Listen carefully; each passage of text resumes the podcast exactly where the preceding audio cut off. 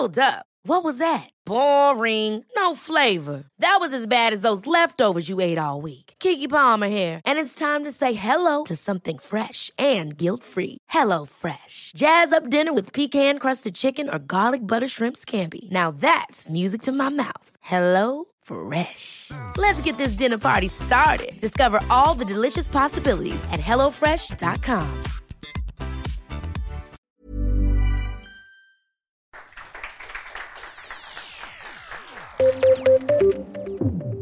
Etter sommerens store rasismedebatt foreslo flertallet i Trondheims bystyre å gjøre Trondheim om til en rasismefri sone.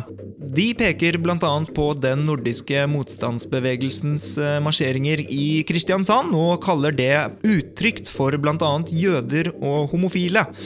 Bør vi forby rasistiske demonstrasjoner? I en ny undersøkelse kommer det frem at hele 90% av kunsten i norske kunstsamlinger er laget av menn.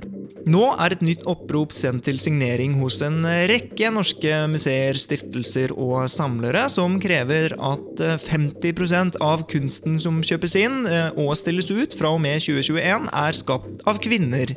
Er det en god idé? I lys av BLM-demonstrasjonene har debatten om avkolonisering av kunstmuseer, utdanningsinstitusjoner og mer eh, verden over blusset opp igjen. Nå har det nederlandske kulturrådet oppfordret landets museer til å levere tilbake objekter stjålet under kolonitiden, dersom landene ønsker det. Det er snakk om over 100 000 objekter. Bør Norge følge etter og avkolonisere museene? Du hører på Etikk og estetikk i denne sesongavsluttende episoden på eh, Litteraturhuset i Trondheim. Programleder det er meg, Danby Choi, og jeg skal straks introdusere dagens panel, men først noen ord fra våre annonsører.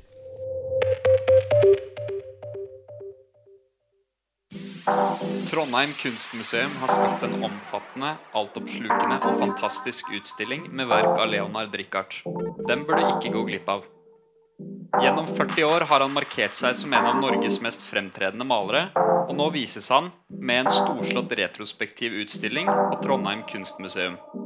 Se trondheimkunstmuseum.no for mer informasjon. Du kan ennå få med deg Joar Nango på Festspillutstillinga 2020 i Bergen kunsthall. Dette er utstillinga som NRKs Mona Pale Bjerke kalte for den fineste og viktigste festspillutstillinga jeg har sett i mine 15 år som kritiker. Festspillutstillinga kan sees i Bergen kunsthall fram til søndag 8.11. Vi holder langåpent med gratis inngang hver torsdag fra klokka 17 til klokka 20. Vil du og din institusjon være synlig der hvor publikum leter etter den beste kunsten og kulturen? Nå kan denne reklameplassen bli din. Ta kontakt med annonse at subjekt.no for en uforpliktende prat om hvordan du kan nå ut til et stort kulturkonsumerende publikum.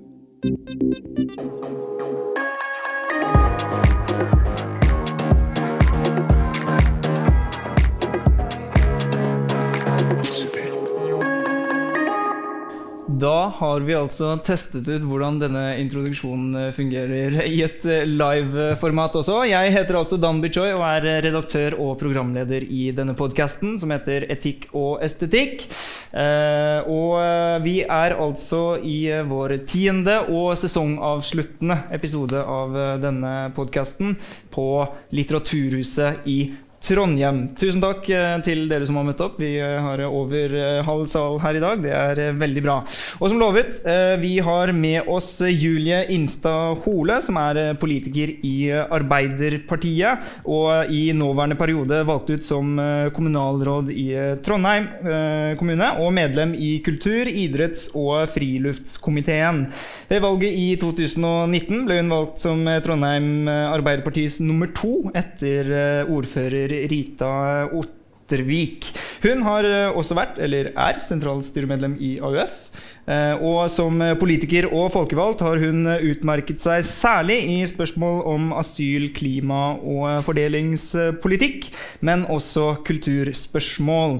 Best kjent er hun kanskje for å være blant initiativtakerne til fakkeltoget til forsvar for Abbasi-familien i 2017, og som en høylytt kritiker gjerne også av Arbeiderpartiets linje i asylspørsmål. Velkommen til Etikk og estetikk, Julie Instad Hole. Du eh, bryter eh, med egne rekker iblant, altså. Og det er jo Hvor populært er det egentlig? Det, altså, det gikk ikke så bra med Jan Bøhler i Oslo, i alle fall? Nei, for meg så handler det om at uh, Arbeiderpartiet er jo det som er partiet mitt. Det er der jeg virkelig uh, hører hjem. Men uh, jeg er for at man også internt i, i vårt uh, parti har stor takhøyde, og at man kan diskutere spørsmål, og også at det er rom for uenighet. Det tror jeg bare er sunt for Arbeiderpartiet. og da Spesielt i klima- og miljøpolitikken og i asyl- og innvandringspolitikken. da. Ja, Det var veldig politisk korrekt eh, svar der, altså. For det er jo både, det er der frontlinjen går, og du er med på begge deler. Du skal ikke være en løs kanon, du er med i partiet, men du må også kritisere, selvfølgelig. Det er bra. Eh, vi har eh, også med oss Erik Stefansen til min høyre. Både fysisk og politisk.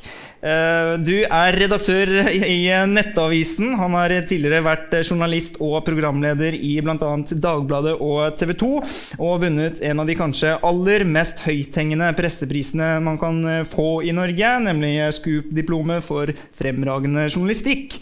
Dette fikk han for reportasjeserien Svardalssaken Svardal-saken i 1992. Dette, da var jo verken Insta Hole eller jeg født. Eh, men det sier kanskje også noe om han som eh, presseveteran. Det var lenge siden, ja. Det var lenge siden, 1992. Det hele begynte i Sunnmøre Arbeideravis, og, som, eh, og, så gjennom en rekke av de største norske mediehusene, før han altså endte opp som redaktør i Nettavisen. Han er utdannet musikklærer og journalist fra Høgskolen i Volda og UiO. Du, flere her kjenner deg kanskje igjen som jeg husker deg, eller altså fjeset. Du har jo vært programleder på TV og sånn. Savner du å være foran kamera? Nei, egentlig ikke. Og det var jo en veldig morsom periode. Spesielt den God morgen Norge-tida. Da vi sto opp liksom i femtida om morgenen og var, var liksom uh, holdt på helt ut til formiddagen. Det var veldig morsomt. For da, da, fikk du på en måte hele journalistikkens skala. Fra liksom utenriksministeren, statsministeren tidlig, og så slutta vi med liksom Finn Schjøll og, og, og Blomsterfinn. Liksom. Du fikk liksom hele skalaen. Det var veldig morsomt. Jeg elsker sånne programmer som er ganske korte, men som kan ta inn hva som helst. Sånn som eh, Dagsnytt 18 også, hvor det plutselig kommer sånn Vålerenga-fanklubb-supporter som skal kjempe for at nødbluss skal være greit på tribunen. Liksom Den typen debatter og alt mulig. Eh, veldig bra. Da eh, har vi introdusert panelet, og vi går rett på første sak. Vi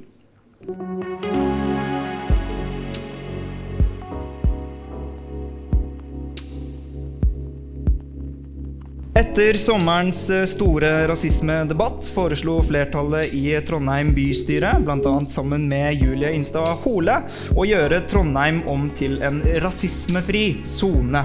De peker bl.a. på den nordiske motstandsbevegelsens eh, marsjeringer i Kristiansand. Ikke akkurat hyggelige, til og med utrygge, mener de, eh, for bl.a. jøder og homofile. Bør vi forby rasistiske demonstrasjoner, Julie Instad Hole? Ja. Enig med seg selv, altså. Og du, Erik Stefansen? Hvorfor ikke? Altså, er, du, er du dermed rasist? Nei, altså Først må jeg vel si at jeg er veldig enig i intensjonen. Jeg, altså, jeg skjønner hvorfor folk vil ha forbud mot det, og jeg er veldig enig i hva man vil oppnå. Men jeg tror det er en veldig feil vei å gå. Altså, jeg tror egentlig så vet de, altså, de har jo fått litt motbør etter hvert i Trondheim også, og på, på en måte har forandra forslaget litt. Så jeg tror at de egentlig vet at dette her Det er jo egentlig symbolpolitikk. Jeg tror også vi kan dra det helt og si at det er en slags type sånn, sånn show-off-politikk. De vil vise at vi gjør noe. Det har, det har vært veldig ubehagelig med disse demonstrasjonene i sommer, som har utarta på mange vis. Og så er det viktig for politikerne å på en måte vise at vi gjør noe med dette her. Og så tyr man til et sånt grep, da. Uh, det, og det enkle, liksom det første kontrollspørsmålet er jo liksom Ja vel, hvis det skal være rasismefritt i Trondheim sentrum, ja, ute i bydelene, er det greit der, da? Eh, um, så det, liksom, de skurrer hele opplegget. Julie Instad Hole, du vil forby rasistiske demonstrasjoner. Vi har allerede en rasismeparagraf. Da. Hvorfor, hvorfor trenger vi å liksom forby ytterligere? Vil man ikke innskrenke ytringsrommet? Jo, vi har det. Og eh, samtidig så er jo alle enige om at det går en grense på hva det er som er eh, ytringsfrihet, og hva det er som er eh, straffbart. Så eh, man kan ikke i dag si eh, hva som helst. Men poenget er at det her gjelder for enkeltindivider. Um, og jeg mener at det samme også burde gjelde for, uh, for grupper. fordi at alle klarer å si at det går en grense når det uh, f.eks. er uh, trakassering mot en uh, enkeltpolitiker. Men jeg mener at man også må si at ok, her går det en grense også når det, når det er en gruppering også. Og jeg syns det er litt interessant akkurat det her med eh, toleransens paradoks, eh, som sier at er vi tolerant overfor intoleranse, så skaper man et intolerant rom. Og jeg mener det at hvis man er tolerant overfor hat, hets, diskriminering og tillater det i det offentlige rommet, som det faktisk er spørsmål om her, så så støter man bort gruppa. Og det mener jeg er, farlig og dumt. Men er det ikke veldig lett å avfeie kritikk som eh, det der er hets, og derfor skal ikke det være lov? All den tid fri meningsbryting og debatt hvor det gjerne blir litt sånn hetsete stemning og litt sånn uh, dårlig stemning, rett og slett. Uh, all den tid det skal være velkomment i et samfunn med stor, stor takhøyde for ytringer, da. Vil man ikke Det har blitt sagt i den debatten her at veien til helvete er brolagt med gode intensjoner. At man uh, da hiver ytringsfriheten på bålet målet for at eh, man skal hindre liksom, en sak. Da. Er det ikke litt farlig om politikere liksom begynner å gripe inn i, inn i dette? Ja, altså Spørsmålet eh, som vi stilte oss sjøl, også her i, i, Trondheim, er skal kommunen eh, tillate offentlige arrangement eh, som vi vet vil føre til at vi hindrer folk i å delta. For det er jo det som skjer. Eh, og det der er jeg så skeptisk fordi at jeg mener heller at vi bør legge til rette for å involvere flere nye grupper inn i eh, samfunnsdebatten, og at flere skal få sin stemme hørt, og at flere skal inkluderes og involveres. Da får vi en god, uh, god samfunnsdebatt. Men ved å være tolerant overfor dem som sprer så mye hat mot grupper, så hjelper ikke vi til å skape det rommet og skape den samfunnsdebatten som, som, vi bør ha. Da er det ekskluderende og stikk motsatt av det som vi faktisk har lyst til å oppnå. Men uh, hva hvis man eh, f.eks. Eh, tror altså, Forskningen er jo helt enig, bortsett fra noen konspirasjonsteoretikere, om at f.eks. miljø- og klimasaken er et ekte problem. Vi må gjøre noe med saken. Hva hvis politikerne sier å demonstrere mot liksom, klimaspørsmål? eller noe som strider imot liksom, det som er felles konsensus. Er det ikke litt av ytringsfrihetens poeng at man også skal liksom, eh, La oss si den nordiske motstandsbevegelsen også la dem få ytre seg, og heller eh, møte dem da, på, til debatt?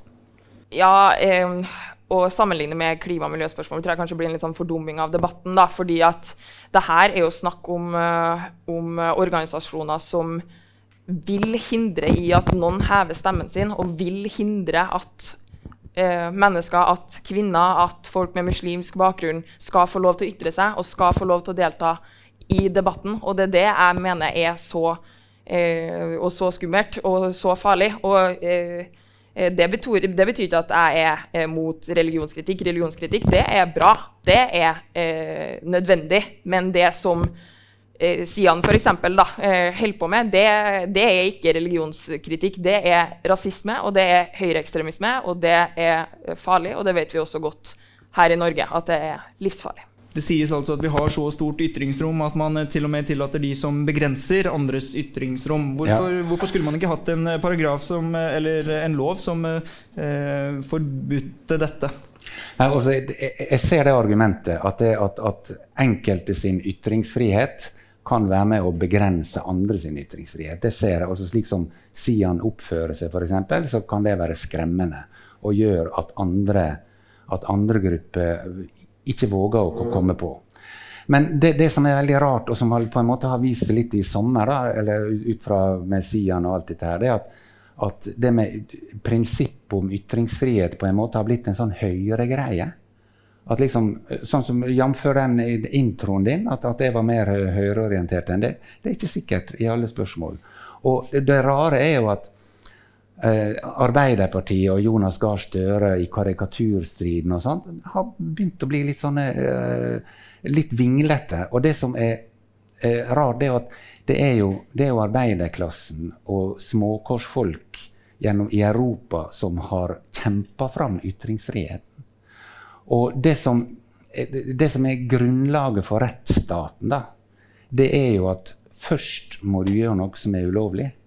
Så må du eventuelt anmeldes, siktes, tiltales, og så til slutt dømmes. Slik at det er en domstol som skal dømme om noen har sagt noe rasistisk. Slik at vi har sett at nå så, er det jo folk som begynner å bli dømt etter rasismeparagrafen. Men det kan ikke være et kommunestyre eh, i Trondheim som bestemmer hvem som eh, er det er fare for at de skal si noe rasistisk. Det er det som, som jeg tror også de fleste Arbeiderpartifolk ser. At det, det kan ikke være en organisasjon eller en gruppe som skal si at nei, denne her gjengen her, de kommer til å gjøre noe ulovlig, så det får ikke du lov til. Eh, det, det, er faktisk grunnlovfesta i Norge at det er i strid med norsk lov. Nemlig er det ikke veldig autoritært, og så er det ikke dessuten også en fare for at man rett og slett forhåndssensurerer her. At man ikke straffer eh, noen som har brutt loven, men eh, faktisk sier at noen grupper ikke skal få lov å ytre seg. da.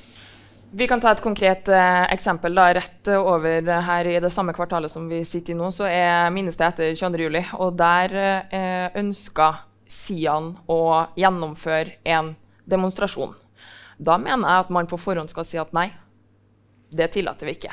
Det aksepterer vi ikke. Det vil vi ikke ha i 22.07-parken. Det vil vi ikke ha i det minnestedet. Det vil vi ikke ha i det offentlige rom. Og jeg mener man på samme måte kan si at nei, vi vil ikke ha det i det offentlige rommet. Fordi at det gjøres kun for å spre hat, for å spre frykt og for å dempe andre sine stemmer. Og jeg mener det er så viktig at vi har en mangfoldig samfunnsdebatt, at alle føler den tryggheten at man kan si det man vil, at man kan delta i debatten uansett hvilken bakgrunn man har. Men da kan ikke man akseptere at de gruppene får spre rasisme, får spre hat og kneble så mange samfunnsstemmer som vi så sårt virkelig trenger. Men, det, men, men det, det, er et veldig godt eksempel, og jeg, og jeg ser det. At, at det, ville være, det ville være antagelig utålelig for veldig mange mennesker hvis det skulle skje. Men problemet er at, at en lov vil ikke klare altså Det er så mange nyanser. Og hvem er det da som skal bestemme hva slags nyanser når, når vil dette her være utilbørlig, når vil det ikke være det? Og Derfor er det at det er lovens prinsipp da, i et demokrati er så viktig at man faktisk må holde seg til eh, loven. Og, og, da kommer det også liksom Hvem skal bestemme hva som er rasistisk? Og du, du var jo inne, inne på at, at, du syns at religionskritikk det er ikke rasisme. Eh, og, og sånn. Men det er, jo, det er, jo, mange grupper i Norge som mener det. Og som mener at, at det at Sian da brenner Koranen eh, og sånn, som jeg for øvrig syns er en idiotisk ting å gjøre, men som mener at det er rasistisk handling. Uh, og det, da tror jeg det, er viktig at vi holder fast på at det er det faktisk domstolene som skal avgjøre. For at, uh, er det en eller annen underkomité i Trondheim uh, bystyre da, som skal avstemme Når noen sier at de vil demonstrere, så sier vi nei, dette kommer til å bli rasistisk. Det, eller, eller en annen ulovlighet. Eh, for må være, være, du må jo kunne forhåndsstemme andre også, da, som du tror skal komme til å gjøre noe ulovlig. Og som du tror at noen vil noen som skal stemme, nei, som vil demonstrere mot vindkraftverk, f.eks. Og så tror du at de, de, de, tidligere så har de velta biler og knust ruter. Eh, da vil jo noen si at ja, disse folka der er jo veldig skremmende. De kommer til å gjøre ulovlige ting, og da forbyr vi det. Og det, det, det, det, viser på en måte at prinsippet her er litt sånn Det er litt farlig. Fordi at det, bryter med det som er liksom grunnsteinen i demokratiet. Da. Er det en fare for at vi mykner opp prinsippene her? Og frykter du ikke en bumerangeffekt selv? Hva, la oss si at det var eh, høyreregjering eller eh, byråd eller kommunalråd. Eh, og de ville mene f.eks. at en identitetspolitisk eh, demonstrasjon det kan man jo fort argumentere for at det er eh, kritisk mot hvite, f.eks. Eh, critical race theory har jo også blitt anklaget for å være rasistisk. Hva hvis en høyrebyråd ville sagt at det er rasistisk mot hvite, derfor skal vi forby den type demonstrasjon? Er det ikke litt mer produktivt å være sånn prinsipielle om disse grunnlovsfestede rettighetene vi har? Ja, Det blir jo et litt sånn hypotetisk spørsmål som er, som er vanskelig å svare på. da. Um, jeg mener det at Poenget mitt er at jeg syns at det er, det er så lett for oss alle å si at, um, at det går en grense når det handler om hets og når det handler om trakassering. Når det kommer til enkeltpolitikere eller enkeltmennesker, så klarer vi det så lett mot enkeltindivider å si at OK, der går grensa, nå er du over streken. Men hvorfor klarer ikke vi det når det handler om grupper? Mennesker. Jo, men det er vel ikke en stat som prøver å stoppe deg eh, med lov, da? Og skulle straffe deg for det? Nei, nå er jo ikke vi en egen stat i Trondheim heller, da. Så det... Nei da, men myndighet, da. ja, og spørsmålet her var jo skal eh, Trondheim kommune tillate om, å, å, å tillate her i det offentlige rom, eh, når man vet at det begrenser eh, enkelte grupper sine mennesker eh, og, og, si det som de mener, og, og, og, ytre det som de vil. da. Så det er det som er mitt poeng. Hvorfor klarer vi ikke ja. å gjøre det samme mot grupperinger som vi vet er underrepresentert i samfunnsdebatten, og som det er vanskelig fra før av å ytre seg? Ja. Hvorfor det, klarer vi ikke å tillate det? Det er i, det som er det interessante spørsmålet, syns jeg. i hvert fall. Men, men i, i, sommer så har jo Sian uh, utmerka seg flere plasser. slik at det, det, det må jo har vært mange muligheter til å faktisk anmelde dem for det de faktisk sa, eller det de faktisk gjorde. Og Det, det har ikke registrert er blitt gjort. Og Det, det, det kan, kan, godt hende at de, de, burde det. Men det, som er viktig å holde fast på, det er at det er faktisk lov å være mot innvandring. Altså det, er lov å være, og det er lov å være mot islam. Det er lov å være sterkt kritisk til islam og mene at, at, at islam fører med seg masse ting til vårt samfunn som vi ikke ønsker. Det er fullt lov å gjøre. Og det på samme måte som det i dag er fullt lov og nesten sånn akseptert og, og, og nesten sånn heia på når vi er kritiske til kristendommen. Altså, jeg kan, jeg kan vitse og jeg kan tulle om kristendom, og, alle, og de fleste vil bare si 'yes, det var gøy'.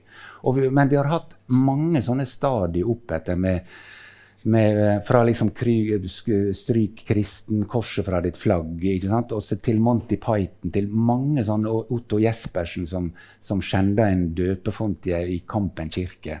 Og som da faktisk var provoserende den gangen, men som i dag ikke er provoserende. Og problemet da, når vi skal utforme en lov, det er at en lov klarer ikke å se hva som er en tåpelig provokasjon, f.eks. å brenne, brenne, Koranen, eller hva som er en god provokasjon, og som bringer verden framover. For jeg mener at, at, det er mange provokasjoner som, er, som, gjør folk sinte, som bringer verden framover. Men loven klarer ikke å, å, å, å skille mellom det. Derfor så må vi på en måte legge lista der og, og, og, formulere en lov. Og vi har jo rasismeparagrafen da, som sier at det er lov, det er ikke lov, det er lov ikke lov. Og der har vi hatt noen rettssaker nå, sånn som hun eh, fra Bergen som skrev om uh, Sumaya Jildali. Sumaya liksom, og kalte hun kakerlakk. Og, så, og som, som, som, loven da slo, eller domstolen slo at dette var ulovlig, det blir hun dømt for. Men da hadde hun gjort det, og så Eh, men du, du, kan jo på en måte ikke av det da ilegge hun en tilleggsstraff da, med å si at du får aldri lov å skrive på Facebook mer. Fordi at Hvis du nærmer deg Facebook, så tror vi at du kan være i fare for å skrive noe sånt. og det får ikke du lov til. Og Det er på en måte det samme prinsippet som, som Trondheim bystyre da ville innføre i Trondheim sentrum. At vi, at vi tror at dere vil gjøre noe ulovlig, og derfor får ikke lov. Men det er der vi er helt enige, da. og... Eh, det er jo der jeg tenker akkurat som er mitt poeng òg, at eh, der er det så lett for oss å si at det hets, det vil ikke vi ha noe av. Når det er mot en enkeltperson, så kan alle være enig i det. Men når det er snakk om en gruppe, så klarer ikke vi å forsvare ytringsfriheten til den gruppa med mennesker, enten det er kvinner, eller det er mennesker med muslimsk bakgrunn, eller det er homofile, eller hva det er. Så har de som mål å skape et intolerant rom hvor de ikke skal få lov til å ytre seg og lov til å si hva det er de synes, og hva det de tenker. Og når de har det som mål, så mener jeg det er så feil. da. Og når vi da tenker at Men vi vil jo være uenige med deg om at det er deres mål. Ja, men jeg mener det at vi kan ikke være tolerant overfor det som er intoleranse, da. fordi da skaper vi nettopp det. Et intolerant rom. Og det jeg det, mener ja. er så feil, da. Men, det, men for, for, for, for, å vri litt på debatten, da, så tror jeg også, hvis du legger, vekk, legger vekk juss og alt dette her, så tror jeg også at det er veldig mot sin hensikt. Eh, for det å si, Jeg husker på Arendalsuka for eh, et par-tre år siden så sto det en stakkarslig gjeng bort på torget i Arendal. Jeg tror de var fire-fem stykker. Og det var Sian. Og ingen brydde seg om dem. Og de sto der og skulle dele ut løpsedler, og ingen tok imot. Mens nå i sommer så er det jo blitt en, en, en et, et, et, skikkelig sånn oppblomstring for Sian. Fordi at de har fått oppmerksomhet som som ikke engang First House Om du betalte en million kroner til First House, så ville ikke de klare å, å, å gi deg så mye PR. Og det, den, den, mest vellykka, tror jeg, sånn antirasistiske demonstrasjonen var jo i Brumunddal mot Arne Myrdal. Jeg husker ikke hva tid det er, men det er en god stund siden. Da folk snudde ryggen til. Altså, De kom dit for å Jeg husker ikke hva organisasjonen hans heter. Noen husker det? Arne Myrdal og nei, Ja. Uh, og, og, og, så var det møtt opp flere hundre mennesker som bare snudde ryggen til og sto i taus forakt mot ham. Og det var det siste man hørte fra Arne Myrdal. Da var det på en måte slutt. Jeg tror at, at det er en så veldig mye smartere måte, og som samtidig er da i, i tråd med norsk lov, og som samtidig tar, tar inn over seg de rettssikkerhetsprinsippene som jeg tror er er helt avgjørende at vi ikke firer på, selv om jeg skjønner at det er fristende.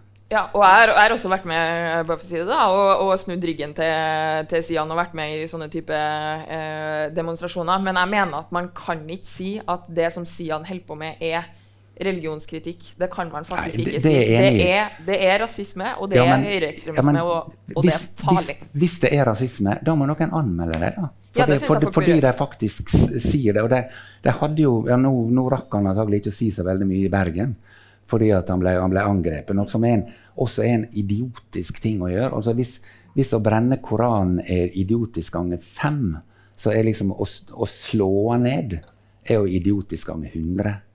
Altså, for det, det, det, blir en sånn Da blir jo plutselig da, da blir det plutselig Sian som er offer. da. Gjør man, eh, gjør man ikke Sian til litt sånn uh, ytringsfrihetsmartyrer til slutt?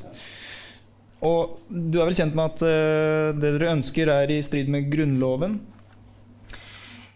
Ja, eh, det kommer på hva du, hva du sikter til. Da, for det, det, forslaget ble jo eh, jobba fram, og det, det, ble jo diskutert flere ganger. og ble diskutert grundig også i, eh, i bystyret. Men eh, jeg mener at det er, det er, helt riktig å være tydelig på at det Sian holder på med, det ønsker vi ikke i det offentlige rom. Vi, vi, mener at det er viktigere at alle de andre stemmene skal slippe det og skal få lov til å være med i debatten. Og at det de holder på med av hat, hets, rasisme, høyreekstremisme, det er det er skumle greier. Og med det så bytter vi tema til uh, nummer to.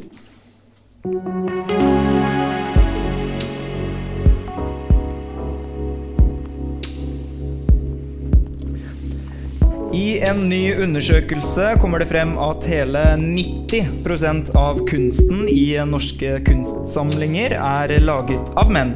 Nå er et nytt opprop sendt til signering hos en rekke norske museer, stiftelser og samlere, som krever at 50% av kunsten som kjøpes inn og stilles ut fra og med 2021, er skapt av kvinner. Er det en god idé, eh, Nei. Oi. Er det en god idé, Stefansen? Nei.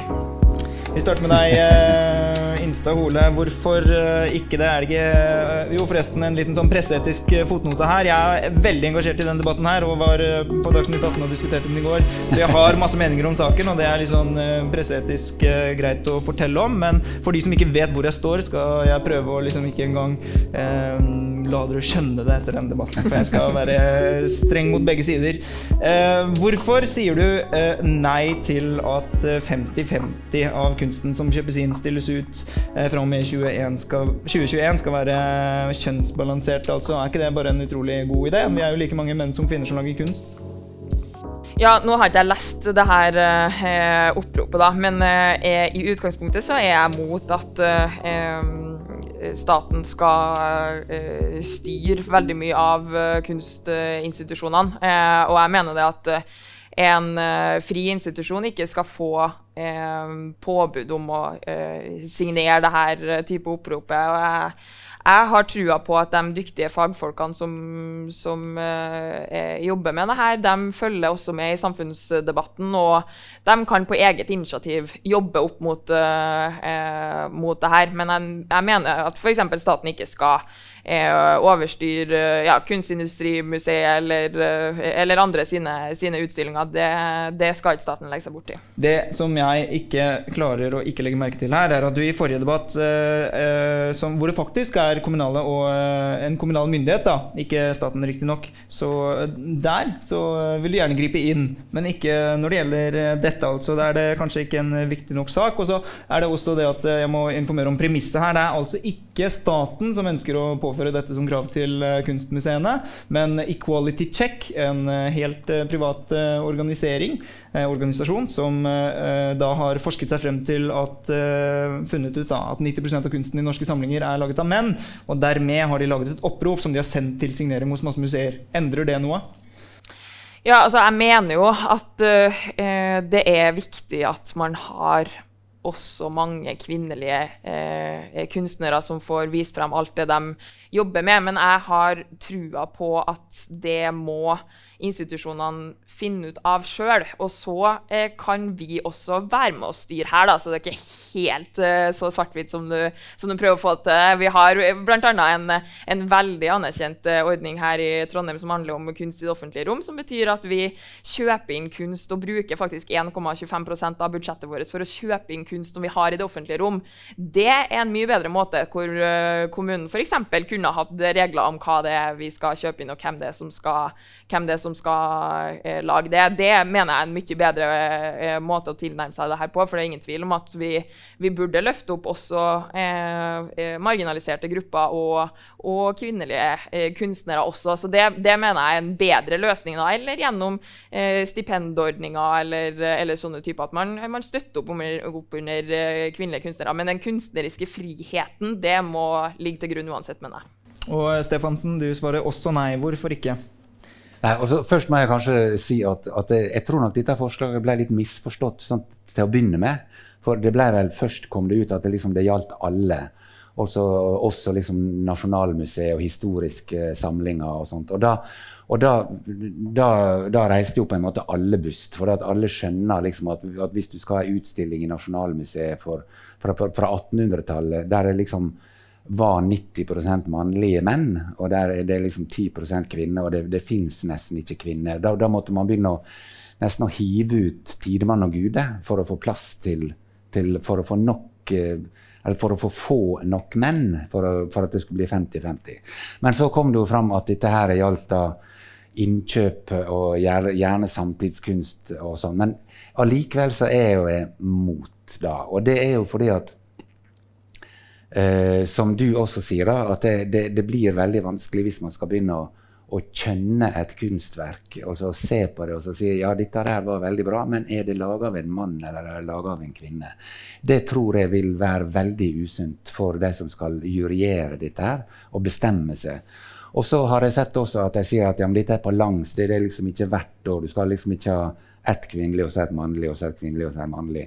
Eh, men du skal da liksom eh, en femårsperiode eller en tiårsperiode. Men det, det vil jo ikke endre noe. for ved slutten av en sånn femårsperiode da, så vil jo du sitte her da, og så sier du at nei, nå har vi kjøpt inn 70 eh, menn. og da må, vi kjøpe inn, da, da må vi bare kjøpe inn kvinner de siste to åra av denne perioden. Og, det, og alle ser jo at dette er på en måte helt meningsløst. Og så vil jeg bare si én ting. og for der også har du liksom litt sånn mot sin hensikt. For nå har jeg jo sett da når jeg skulle på denne debatten, at det blir jo at det er jo undersøkelser som viser at i dag så er det jo ca. 60-70% kvinnelige kunstnere mot 30-40% mannlige kunstnere. Og Det vil jo da si at, at man da nesten aldri vil kunne klare å, å, å oppveie for den urettferdigheten som har vært. da. For hvis det er 70% kvinner og 30% menn, da må man jo stole på at de 70% klarer å lage 70% også av, av, den ypperste kunsten. For det er jo da den ypperste kunsten som skal inn i disse museene og, og komiteer osv. Og, eh, og da, da vil jo dette her antagelig være helt mot sin hensikt av det som forslagsstilleren egentlig hadde tenkt. Og der gikk alarmen, hørtes ut som. Uh, vår nye jingle. No. Ja. uh,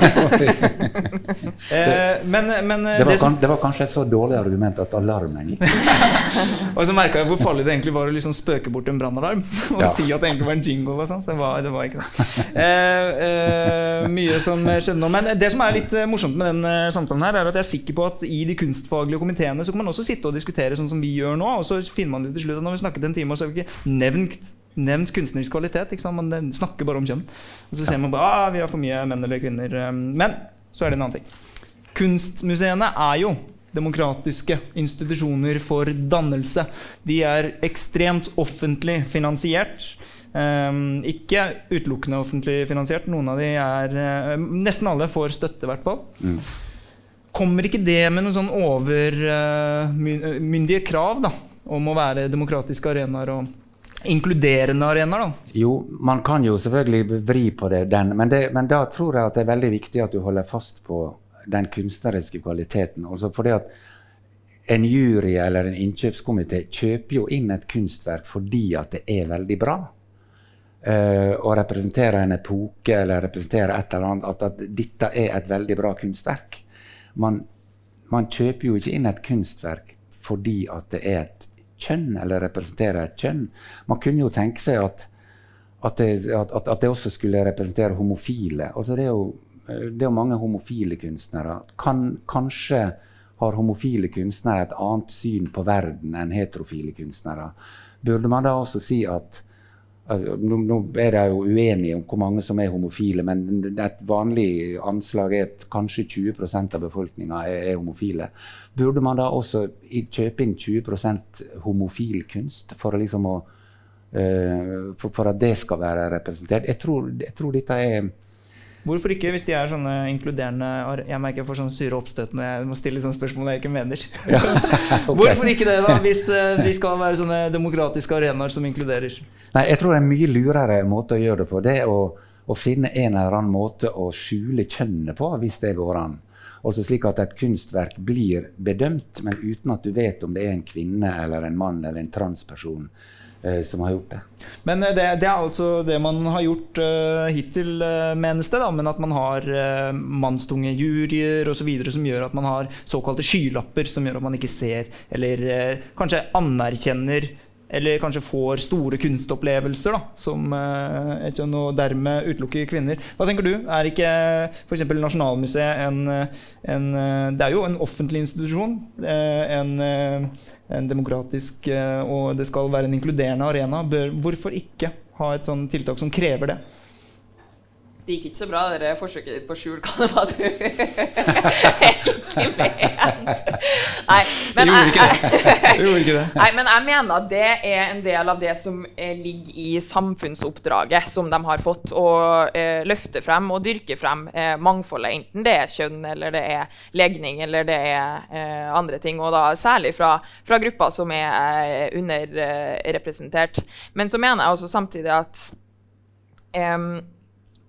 hvis man skal ha en kunstutstilling fra f.eks. en viss eh, tidsepoke, så kan det jo rett og slett være vanskelig å finne eh, kvinnelige kunstnere fra den eh, perioden, fordi at man også historisk sett har løfta frem menn. Og det har vært menn som har skrevet historien, og det har vært menn som har fått fortelle, og menn som har tatt plass. Akkurat samme som, som her i Trondheim, hvor vi har eh, massevis av, uh, av statuer fra, av navngitte eh, menn, og ikke noe galt med det. Men vi har altså bare to statuer i Trondheim av navngitte kvinner som har levd. To stykk. Og det kryr av menn. Og det sier noe om at det er eh, menn som har skrevet historien. Det er menn som har fått dominert. Det er akkurat samme med eh, Vi kan ta gatenavn som et annet eksempel. hvor vi har, Her i Trondheim så er det godt over 500 gater som er oppkalt etter folk. Og det er bare 14% av de gatene som er oppkalt etter ei kvinne.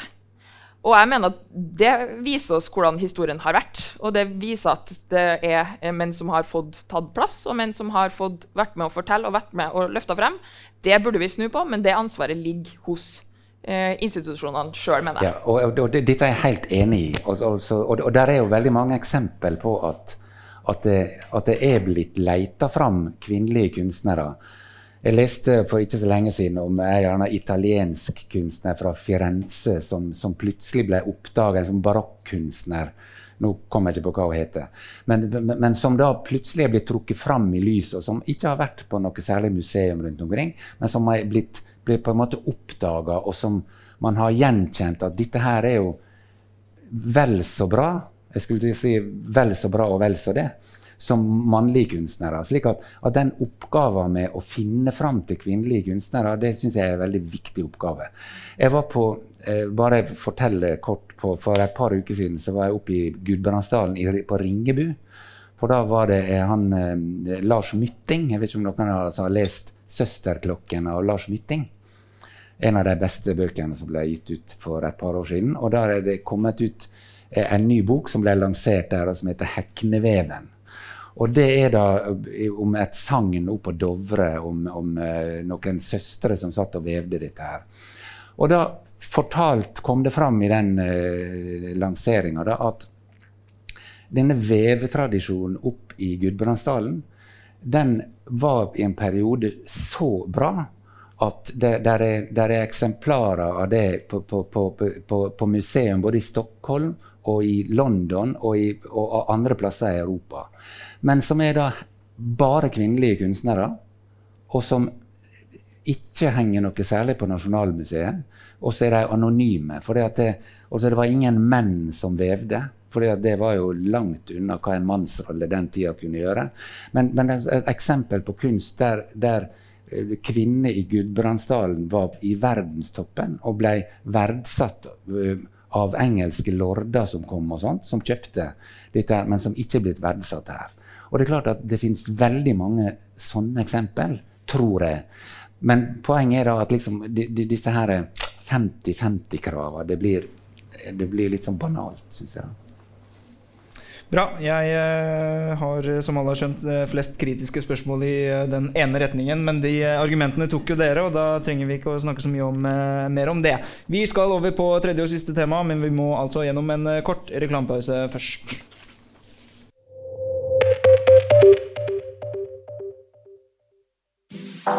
Trondheim kunstmuseum har skapt en omfattende, altoppslukende og fantastisk utstilling med verk av Leonard Richard. Den bør du ikke gå glipp av. Gjennom 40 år har han markert seg som en av Norges mest fremtredende malere, og nå vises han med en storslått retrospektiv utstilling på Trondheim kunstmuseum. Se trondheimkunstmuseum.no for mer informasjon. Du kan ennå få med deg Joar Nango på Festspillutstillinga 2020 i Bergen kunsthall. Dette er utstillinga som NRKs Mona Pale Bjerke kalte for den fineste og viktigste festspillutstillinga jeg har sett i mine 15 år som kritiker. Festspillutstillinga kan sees i Bergen kunsthall fram til søndag 8.11. Vi holder langåpent med gratis inngang hver torsdag fra klokka 17 til klokka 20. Yes, da skal vi over på eh, fjerde og tredje og siste tema.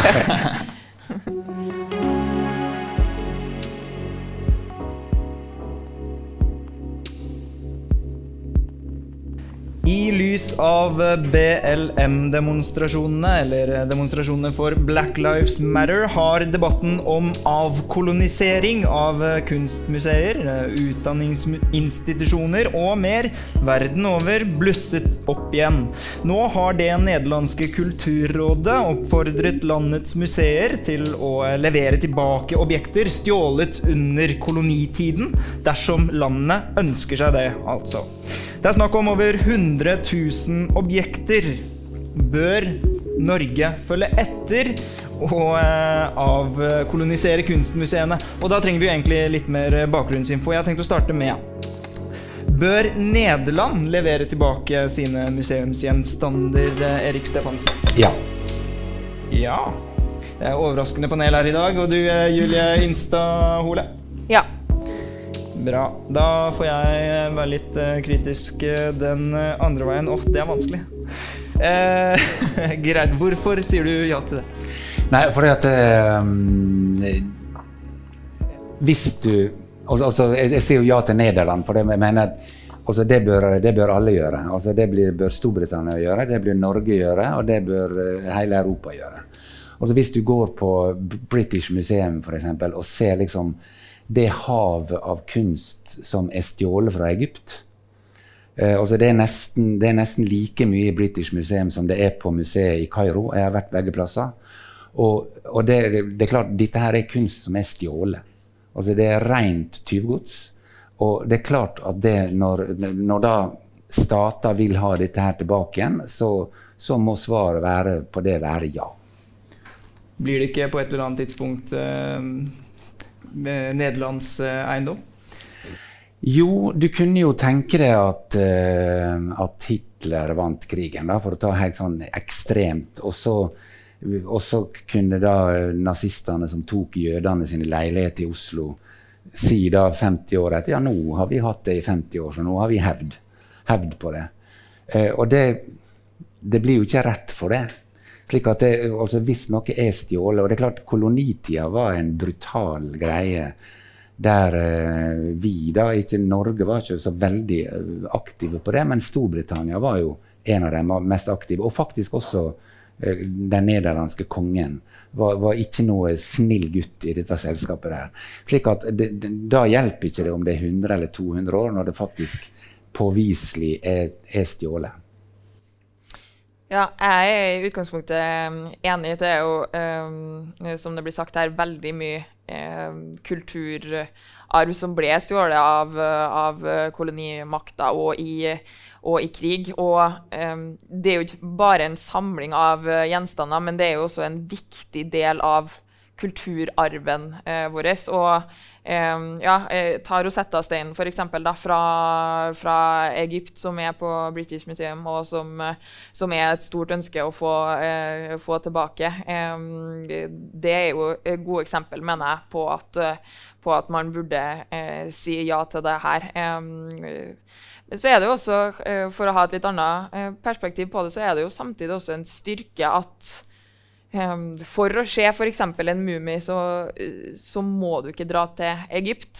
Um, så det er, jo, det er, jo, også flere perspektiver på denne uh, debatten. Og at uh, um, f.eks. man har gode ordninger i dag med at utstillinger og uh, kunst sendes rundt om i hele verden, og at det kan lånes ut, og at man kan at man kan, uh, kan se det. Um, og gode og, konserveringstradisjoner og kulturer. Absolutt. absolutt. Og så er det jo også et poeng, hvis man ser større på det her, da, at uh, uh, noen land rett og slett ikke har fasiliteter til å kunne ta vare på det sjøl òg, dessverre. For det er jo også et poeng. Dette er jo viktig verdensarv. Eh, den kulturarven her. så det er jo det er også et perspektiv som man kanskje bør, bør ha med seg. Da, at uh, man må finne løsninger for det òg. Da kunne man f.eks. Uh, inngått en avtale da, hvor man uh, blir enige om at ok, gjenstanden tilhører, tilhører dere, men inntil videre til vi har ressurser og kapasitet og mulighet til å håndtere det sjøl, så kan man da ja, betale en leie, da, og så oppbevarer man det inntil det skal, videre. Det skal da. jeg si til min bror om alle disse genserne ja, han har som jeg mener at jeg tar bedre vare på. Men, men eh, det er også et morsomt tilfelle her som også gjelder eh, i norsk sammenheng, fordi at eh, man har eksempler på det i Norge også. For eksempel, så I 2018 ba den daværende chilenske utenriksministeren om å få tilbake deler av Kon-Tiki-utstillingen i Norge. Museet har eh, kulturgjenstander fra Thor Heyerdahls ekspedisjoner, bl.a. fra Rapa Nui, også kjent som eh, Påskeøya. Førsteamanuensis på Kulturhistorisk museum ved Universitetet i Oslo, Gro Veen, nevner også tilbakeføring til eh, samiske museer eh, fra Folkemuseet og Kulturhistorisk museum. Denne prosessen startet i 2012. Eh, eiendomsretten til gjenstandene ble overført i 2019. Men flere av de samiske museene får likevel ikke gjenstandene tilbake ennå, fordi bygningene deres ikke tilfredsstiller kravene om hvordan gjenstandene skal oppbevares. Ja, men det er jo litt, litt det som, som, som ble sagt her. At, at, at, at det, altså jeg heller mener jo ikke at alt skal, at absolutt alt skal tilbakeføres, slik at ingenting er igjen her. For det er klart, det er jo et poeng for både samisk kultur og, og, og, og, egyptisk kultur at det fins i Oslo, fins i London, fins sånn. Men, men, men jeg tror at vi må være, må være såpass at vi innrømmer på en måte en, en eiendomsrett her som, som vi ikke kan sitte og, og, pukke på helt alene. Altså, selv om alle vi heier på Thor Heyerdahl, og han var en av mine barndomshelter, liksom, Kon-Tiki og Ra og alt dette her. Eh, Thor Heyerdahl er jo kanskje den nordmannen som er mest berømt i utlandet, tror jeg. Og, og, og vi vil jo naturligvis heie på at ja, men han var jo og henta disse statuene egenhendig og sånn. Men vi må jo på en måte innrømme at dette er noe helt annet enn å rive statuer eller å ville hive ut benker i Botanisk hage i Oslo. Også dette er en, en type avkolonisering som, er, som, som, som, som, jeg tror er helt reell. Altså, dette, dette må vi bare ta inn over oss, og så må vi få til en måte å gjøre det på. Og, det, det, og det vil, jeg tror faktisk jeg vil gå så langt og si at hvis samisk kultur, hvis, hvis Sameland, da, altså oppe i, i, i Finnmark, ikke har fasiliteter til å ta imot den kunsten som da er i Oslo, så bør vi nesten skaffe dem det. Raust. Eh, ja, det er raust. Man kunne jo eh, snudd litt på det da, eh, og se for seg f.eks. at eh, da Norge ble invadert på 40-tallet av, av uh, Nazi-Tyskland, så um, at de hadde tatt med seg Osebergskipet for eksempel, da, til Berlin, så ville jo vi ment etterpå at det skulle komme tilbake igjen til, til Norge. Så det er jo noe med at det, det, hører jo, det hører jo hjem, og når vi mener det, så burde vi jo mene det samme overfor andre også, da. Ja, og, og, og, og, så er det selvfølgelig litt forskjell på Nazi-Tyskland og Thor Heyerdahl. For det, for det, ja, det, det, det, kan godt hende at, det kan godt hende at en del av kunsten som han tok med seg hjem, faktisk kjøpte han ærlig og redelig. Det, det tar jeg forbehold om. For det, det, det, dette, det er ikke en del av koloniseringa, det han gjorde. Men, men, men jeg tror som prinsipp så må vi på en måte godta at, at hjemlandet har, har en eiendomsrett her som iallfall må diskuteres. Ja, og i hvert fall når det er snakk om krig, og når det er snakk om kolonimakta, da, da mener jeg at da blir, da blir spørsmålet enklere å besvare. Vi ville kanskje claima Osebergskipet tilbake. Fins det noen kulturskatter eller arver eller institusjoner eller noe sånt du ikke ville bedt om å få tilbake? Nei, en bok av Aune Sand? Hæ? Aune Sands bibliografi? Ja, ja, ja, altså Jeg er ingen kunstekspert som skal peke på, peke på det og gi noe svar på det, tror jeg. Det får vi i så fall overlate til noen andre. Det, det er jo en veldig bra aksjonsform. Det, det er jo en, en fransk en, en, en franskmann, eller en, en fransk kongoleser, altså en fra Kongo, som går rundt på kunstmuseer i Paris og, å stjele kunst fra Afrika. Han ble dømt i går. Og, ja, og så blir, ja, han ble dømt i går. Ja. Ja, for Han filmer seg sjøl, og så stjeler han, og så legger han ut på nettet mens han da tar med seg dette her. Avkolonisering eh, på blå, Og det har jeg veldig sansen for. Fordi at det, altså, Han setter jo så dagsorden, og, og liksom setter dette her at slik eh, Ja. Så jeg, jeg støtter han. Det er uh, altså en del av avkoloniseringsdebatten. Og, og uh, jeg uh, syns det er Altså, her er dere helt enige om at uh, i dette tilfellet, og Nederland og liksom den brutale koloniseringen, så, og der hvor man ser at det er ren theft, hvor man stjeler, så er det kanskje litt annerledes. Men hva med når det går litt for langt? Vi har jo hatt uh, avkoloniseringsdebatter på Norsk Akademia, bl.a. på Kunsthøgskolen i uh, Oslo, hvor minoriteter, som for øvrig i forhold til hvor stor andel av befolkningen de er, er overrepresentert på KIO. jeg tror vi er 15% eller noe sånt, oppimot 15% innvandrere i Norge, og så enda mer på Kunsthøgskolen Kunsthøgskolen i Oslo. Likevel så mener man at det er hvit dominanse, det hvite blikket osv. Derfor ønsker man å avkolonisere pensum der, bl.a. ved å eh, rive opp eh, bøker eller bare fjerne dem fra pensum, og så erstatte dette med critical race theory, queer teori osv. Går man eh, for langt, eller bør man avkolonisere der også? Man bruker det samme begrepet altså, når man eh, snakker om å gi tilbake fra nederlandske museer av, uh, av farao-utstøpninger og Eh, når man skal endre pensum på Kunsthøgskolen? Jeg mener det er noe helt annet. Men det, det, går nesten ikke an å sammenligne. Selv om, jeg, jeg gjorde det selv om litt med, med at man skal fjerne benken med Linné sitt navn osv. Og, så videre, og fjerne statuer av Winston Churchill f.eks.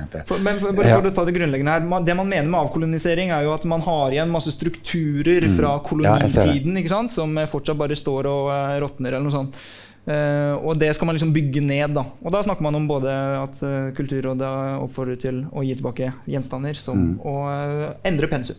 Ja, Hvorfor men, er det annerledes? Nei, men, det, men for, for, å ta akademia, da, da må jo det på en måte skje. Altså Man kan godt selvfølgelig skjønne intensjonen igjen, og, og at man, man, vil få mer forskning og sånt fra den kanten.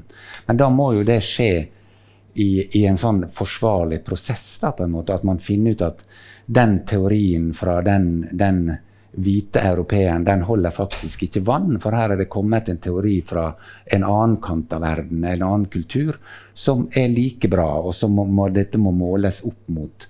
Og til denne her, det, det, blir jo nesten noe sånn lignende kulturrevolusjon i Kina over dette her, at, at, at studenter plutselig bare bestemmer at at den og den professoren, det og det, det, det, skal bare ut. Uten at det blir argumentert for det. Det skal bare, det er liksom, Han er hvit, hvit mann fra Europa, det, dermed er han ute. Vi skal ha ei svart kvinne fra, fra Afrika. Og det, også, det, Intensjonen er god, men man må på en måte bruke vitenskapelig prinsipp. da. Jeg er på langt vei enig, sjøl om um det er fortsatt litt sånn uklart for meg hva man egentlig mener når man sier avkolonisering av akademia. For at det er såpass brukt forskjellig også, opplever jeg i, eh, i, debatten. Men jeg mener at det er et såpass viktig prinsipp uansett at den frie forskninga, den, eh, den, skal ikke styres fra staten. Eh, og jeg mener at hvis akademia vil ta et sånt oppgjør, så må de, da må man på en måte ta et oppgjør med det sjøl. Men det som, er så skummelt, det som er så skummelt med dette, er at det kommer sant, som en grasrotskampanje. Det kommer fra studentene selv. Det er et studentopprør. Det er kjempedemokratisk. Mm. Men så er plutselig den mobben ganske farlig. Da. Og så til og med man, man sier ja, men det er bare en Twitter-mobb. Men Twitter-mobber får folk til å gå av nå, altså. Og, får, øh, og mobber, studenter får også liksom, øh, rektorer til å gå av og til å bytte ut pensum og sånne ting. Så det er ikke staten som nødvendigvis sier at her skal det avkoloniseres, men eh, studenter, da kanskje. Og så får man også kjeft for å liksom, eh, prøve å sette dem på plass, fordi at det, det er galt. Også. Endrer det noe? Ja, da, det er flere over dammen nå som bruker Twitter som, eh, som et farlig våpen, så det, det ser vi nå. Men jeg, jeg har nå i hvert fall jeg har, jeg har trua på at uh, det er viktig at studentene også sier sin mening uh, om det her. Og jeg har trua på den uh, samfunnsdebatten som man har sett også, da. og jeg mener at vi eh, har fått et, de siste eh, tiårene også et mer, mer etisk samfunn, og som har blitt drevet fram av av debatt, og jeg heier veldig på det. Og jeg heier på at i møter mellom mennesker så, så får man til en forandring og en, eh, en, utvikling og et bedre og et mer rettferdig samfunn, som jeg heier veldig på. Eh, men da mener jeg at det er et viktig prinsipp, da, uansett. At det, det må være det kan ikke være akademia som Det skal ikke styres. Da må det, da må det komme uh, innenfra, og de må utvikle seg sjøl. Det mener jeg er et, er et, grunnleggende prinsipp som jeg heier på, i hvert fall. Ja, for det er, jo, det, det er jo mange ting vi importerer fra USA, da. Um, veldig mye av vår kultur er jo der, men akkurat disse tingene der, den identitetspolitikken og det, det klimaet som er på amerikanske universitet, det tror jeg vi skal vokte oss for. Altså, det, det, tror jeg vi ikke vi trenger å importere til Norge. Eller statsledere på, på Twitter. Vi trenger ikke statsledere. vi trenger ikke å kopiere det heller. Bra. Og med det har jeg lyst til å si tusen takk eh, til deg, Julie Instad Hole, for at eh, du stilte. Og Erik Stefansen, og ikke minst til publikum i dag, som har eh, stilt opp på Litteraturhuset i Oslo. Og Fritt Ord. I Trondheim. Unnskyld. Litteraturhuset i Trondhjem og eh, Fritt Ord, som har støttet eh, vår podkast. Tusen takk. Og Karsten og Truls, som er produsenter.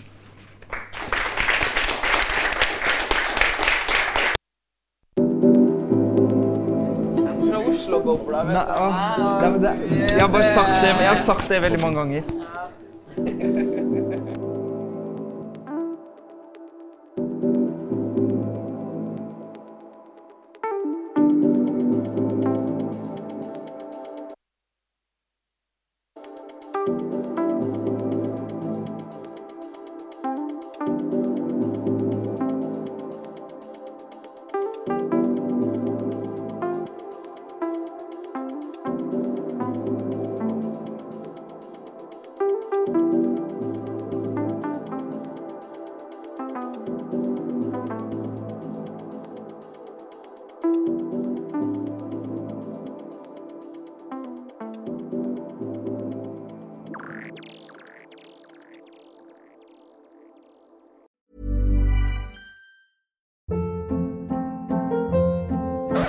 Hold up. What was that? Boring. No flavor. That was as bad as those leftovers you ate all week. Kiki Palmer here, and it's time to say hello to something fresh and guilt-free. Hello Fresh. Jazz up dinner with pecan-crusted chicken or garlic butter shrimp scampi. Now that's music to my mouth. Hello Fresh. Let's get this dinner party started. Discover all the delicious possibilities at hellofresh.com.